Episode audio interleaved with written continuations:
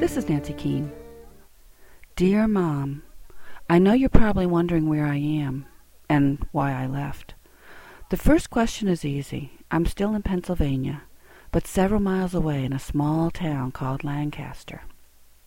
So begins Cherie's letter to her mother. She has run away, but she wants her mother to know why. To understand how her mother's boyfriends, her own drug dealing boyfriend, and her friend Austin, and her feeling of desperation have all led to her decision.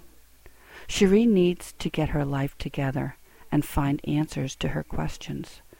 She never expects the letter she gets back from her mother. Baby Girl by Lenora Adams, Simon Pulse, 2007.